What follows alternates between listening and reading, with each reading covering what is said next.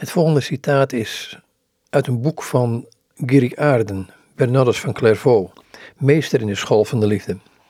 Het is een uh, kleine inleiding van Gerik en daarna een tekst uit een preek op Epifanie van Bernardus. Het boek is uitgegeven bij uitgeverij Damon in Eindhoven. Gerik zegt in het boek: De nederigheid van Christus was vrijwillig en niet het gevolg van een rechtvaardig gericht. Maar in een preek op Epifanie stelt Bernardus die nederigheid, die het hoofd buigt voor de mindere, aan als opperste rechtvaardigheid. En dan komt er een tekst van Bernardus van Clairvaux.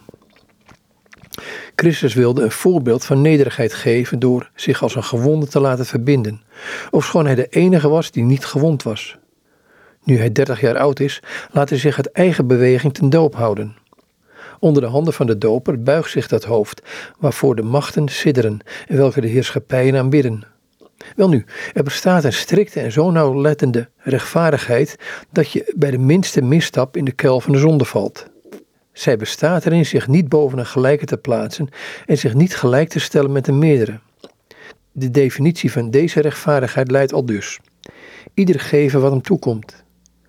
Maar er is een andere rechtvaardigheid, ruimer en breder, die erin bestaat zich niet alleen gelijk te stellen met een gelijke en zich niet te verheffen boven een mindere, maar de grootste en meest volkomen rechtvaardigheid bestaat hierin dat men zich zelfs onder de geringste plaatst. En zoals het een grote en onverdraaglijke arrogantie is zich boven een hoge plaats te stellen, zo gaat de opperste en volkomen rechtvaardigheid zo ver dat de beoefenaar ervan zich onder de allerminste plaatst.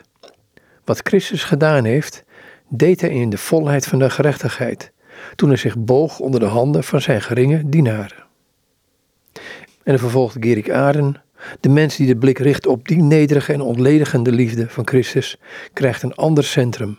Niet langer zijn ik, maar de nederige Christus, in wie tegelijk de Godheid in heel haar volheid woont.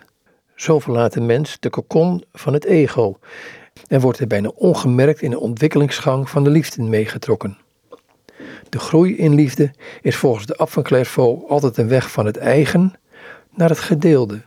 In het mens geworden woord krijgt een mens tegelijk iets van zichzelf te zien en iets van een totaal andere dimensie.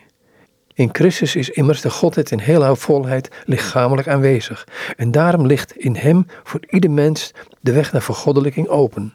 Tot zover dit gedeelte, dit citaat uit een boek genaamd Meester in de School van de Liefde over het leven van Bernardus van Clairvaux, geschreven door Gerik Aarden. Het is een uitgave van uitgeverij Damon in Eindhoven.